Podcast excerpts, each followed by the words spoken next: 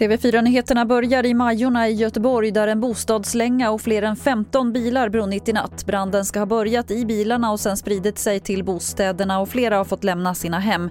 Ingen ska ha skadats. Polisen utreder det som mordbrand men ingen har gripits.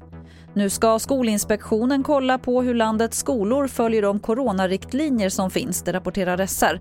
Och det efter att myndigheten fått in flera tips och klagomål om restriktioner som inte följs. Till att börja med ska ett hundratal slumpmässigt utvalda skolor kollas för att sen se om det behövs en större granskning. Landets sjuksköterskor flyr från sjukhusen. En kartläggning som TV4 Nyheterna gjort visar att i nästan två av tre regioner har fler sjuksköterskor slutat hittills i år jämfört med förra året. Och på kirurgavdelningen på Östersunds sjukhus har nära var tredje sagt upp sig. Jag har en väldigt stor frustration över att, att vi har en ekonomi som är så körd i botten att vi, har vi otur så kan vi inte ha ett fullt fungerande sjukhus. Vare sig vi har personal som vill jobba i det eller inte. Det sa Tom Silverklo som är ordförande i hälso och sjukvårdsnämnden i region Jämtland Härjedalen. Och det var det senaste från TV4 Nyheterna. Jag heter Lotta Wall.